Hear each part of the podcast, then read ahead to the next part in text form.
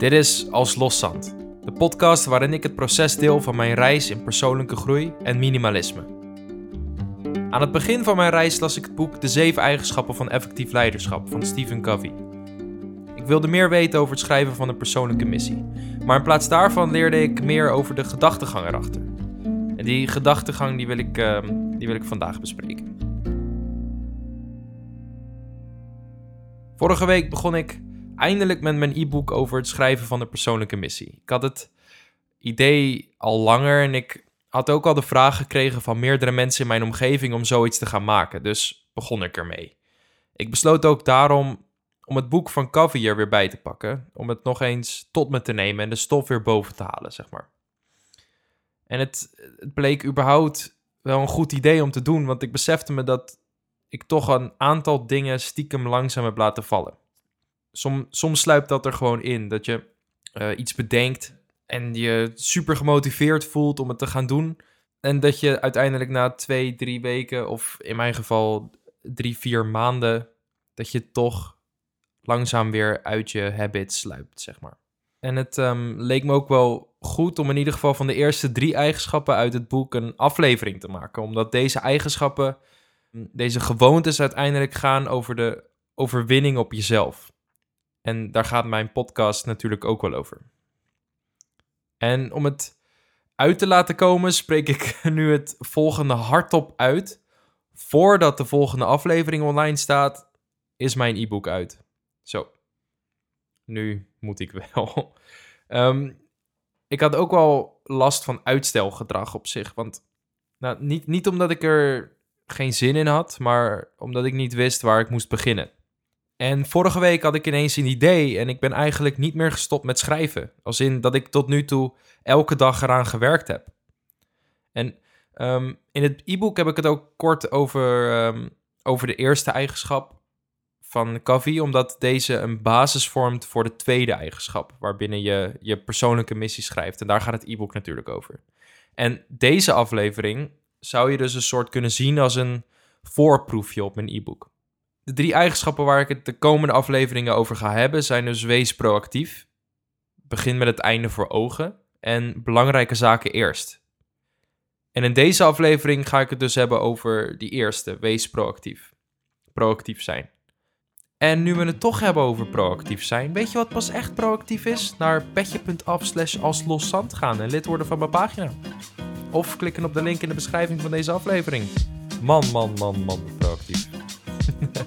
Oh, je krijgt trouwens wel het e-book gratis wanneer je lid bent van mijn petje af, dus ik zou het wel weten. Oké, dat heb ik gezegd, kunnen we weer verder. um, Steven heeft dus onderzoek gedaan naar de succesliteratuur van de afgelopen 200 jaar. En hij kwam erachter dat de boeken van de afgelopen 50 jaar een andere focus hadden dan de 150 jaar ervoor. Um, ze richten zich ineens op de persoonlijkheid van de lezer. Bijvoorbeeld hoe je je kleedt, hoe mensen je zien, hoe je praat, of je een positieve houding hebt, dat soort dingen. De lezer die wordt dan geleerd hoe ze technieken kunnen toepassen op mensen om te krijgen wat ze willen. En de focus van die boeken ligt op hoe de lezer moet lijken in plaats van hoe die moet zijn.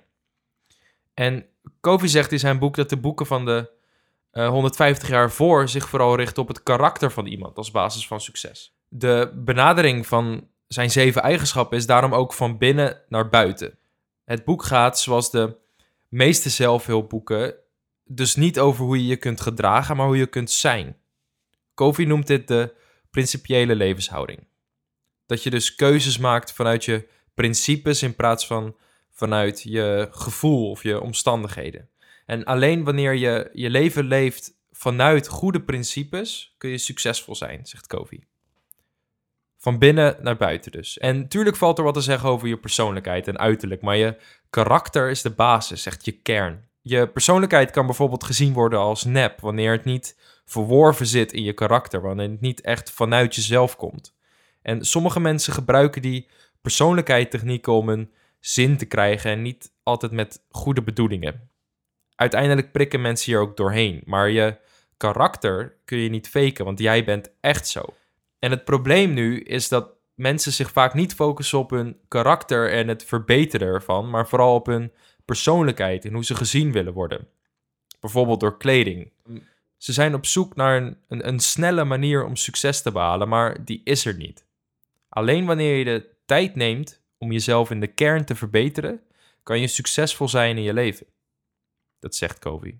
Vind ik ook, trouwens. Ehm, de zeven eigenschappen zijn gebaseerd op principes die inhoud geven aan je bestaan. En we bestaan door ons referentiekader, een paradigma. En Covey geeft het voorbeeld van een landkaart die ehm, een eenvoudige verklaring geeft van onze omgeving. En alleen als je een goede kaart hebt, zijn je inzet en je houding relevant. En hij geeft als voorbeeld: stel je voor je loopt in Den Haag, maar je hebt de kaart van Amsterdam in je handen. Dan kan je wel volgens die kaart door Den Haag gaan lopen, maar die kaart klopt helemaal niet, want het is Amsterdam. Dus moet je ervoor zorgen dat ehm, je kaart klopt, want al je ervaringen interpreteer je aan de hand van je kaart. En wanneer je dus de verkeerde kaart in je handen hebt, dan heeft wat je doet geen zin. Dus dan moet je zorgen voor een paradigmaverschuiving. En dit stelt je in staat om je omgeving anders te kunnen zien. Het is ehm, de belangrijkste kracht achter een radicale verandering. En voor mij was dit het moment dat ik doorhad dat ik niet gelukkig was met mijn leven en mijn werk begin dit jaar. En ik keek goed naar mijn kaart en ik had door dat ik niet de goede in mijn handen had. Dus zorgde ik voor een verschuiving. Ik veranderde mijn referentiekader. Ik ging op zoek naar de juiste kaart. En door onder andere dit boek van Covey vond ik hem. In het boek wordt een eigenschap gedefinieerd als het snijpunt van kennis, vaardigheid en motivatie. Kennis staat voor wat moet gedaan worden en waarom. Vaardigheid voor hoe moet het gedaan worden. En motivatie als de wil om het te doen. En dit is de basis van de zeven eigenschappen, van binnen naar buiten. De eerste drie eigenschappen eh, zijn gefocust op de overwinning op jezelf. En die begint met proactief zijn. Er zijn drie theorieën die gedrag verklaren. Genetisch, waarin het de schuld is van je grootouders. Psychologisch, waarin het de schuld is van je ouders. En omgeving, waarin het de schuld is van je omgeving. Deze theorieën die zijn gebaseerd op de stimulus-responstheorie van Pavlov. Um, nee, nee, zegt psychiater en holocaustoverlever Viktor Frankl. Dit is incompleet. Want tussen stimulus en responsmaat ligt nog keuzevrijheid. Je kan zelf je respons kiezen. Want die stimulus-responstheorie van Pavlov, die heeft hij altijd getest op dieren. En dieren, die hebben geen zelfbewustzijn. Ze hebben geen voorstellingsvermogen, geen geweten, geen principes en geen onafhankelijke wil. Maar mensen, wij, wel. Dus tussen die stimulus en respons ligt nog dat zelfbewustzijn. Je kan zelf je respons kiezen. En dit is proactiviteit. Je neemt initiatief en bent verantwoordelijk voor je eigen leven. Je gedrag is afhankelijk van je eigen beslissingen, niet van je omstandigheden. We kunnen namelijk onze gevoelens minder belangrijk maken dan onze waarden. Daar kunnen wij voor kiezen. En natuurlijk kunnen er lichamelijk of economisch je dingen overkomen, zoals begin dit jaar. Maar je kern hoeft daar niet door te worden aangetast. Daar kies je zelf voor. Kofi geeft hiervoor een mooie quote mee van Eleanor Roosevelt. Niemand kan je kwetsen zonder jouw instemming. En dat klopt, hè? Alleen wil ik nog iets toevoegen. Niets of niemand kan je kwetsen zonder jouw instemming. En het gaat erom dat je je niet dingen laat overkomen. Dat is reactief, tegenovergestelde van proactief. En als je proactief bent, kun je zelf dingen teweeg brengen. En daar ben je dus ook zelf verantwoordelijk voor. Ik zei al begin dit jaar, en neem nou begin dit jaar als voorbeeld. Al mijn opdrachten waren gecanceld door de pandemie. Ik zat zonder werk thuis, geen inkomsten, veel kosten. Ik was boos, echt heel erg boos. Verdrietig ook. Maar eigenlijk lag en ligt dit volledig buiten mezelf. Ik kan niets veranderen aan de maatregelen, maar ik kan wel zelf kiezen hoe ik ermee omga. Ik kan zelf iets teweeg brengen en daar ben ik ook zelf verantwoordelijk voor. Ik had ervoor kunnen kiezen om heel de dag boos thuis te zitten. Dat was ik ook van plan. Maar dan zat ik er nu nog steeds. Maar in plaats daarvan koos ik ervoor om dan maar uit te gaan vinden wat ik wel wil en wat ik nu wel kan. En dat lukte. En dat was een proactieve keuze. En om dit nog beter te kunnen begrijpen, legt Covey twee cirkels uit. En als je kan, teken mee of, nou ja, je hebt ook voorstellingsvermogen, want je bent een mens. Tenzij je een kat bent en hier naar luistert. Dat denk ik niet. Um, nou ja, teken of in je hoofd een grote cirkel. Dit is de cirkel van betrokkenheid.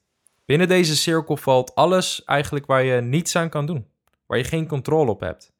Dus bijvoorbeeld het weer, wat mensen van je vinden, de economie, de mening van anderen, de fouten van anderen, dat soort dingen. En daarbinnen kun je nog een cirkel trekken, de cirkel van invloed. En hier valt alles binnen waar je wel controle over hebt. Je houding, wat je leest, welke vaardigheden je leert, je enthousiasme, hoe je je vrije tijd indeelt en met wie, je gewoontes en je hobby's, dat soort dingen. Je kunt dus je leven reactief of proactief leven. Of constant zeuren over dingen buiten je controle, je omgeving en andere externe factoren je laten beïnvloeden en geen verantwoordelijkheid nemen over waar je wel controle op hebt. Of niet zeuren over dingen buiten je controle, maar de focus leggen op waar je wel invloed op hebt. En des te meer je je focust op de cirkel van invloed, des te groter die wordt.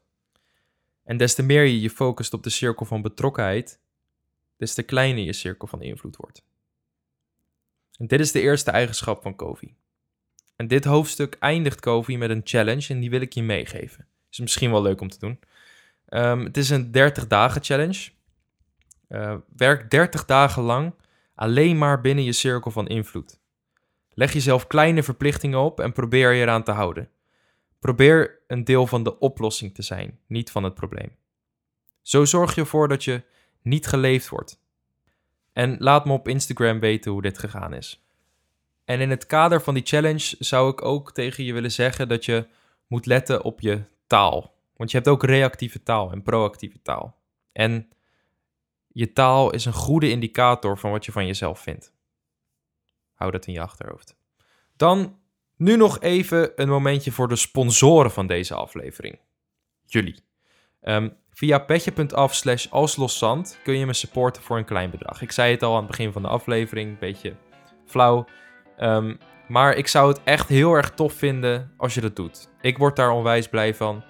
En je krijgt dus mijn e-book, die begin december, voor de volgende aflevering online komt. Helemaal gratis. En om het af te sluiten wil ik je nog een quote uit het boek meegeven.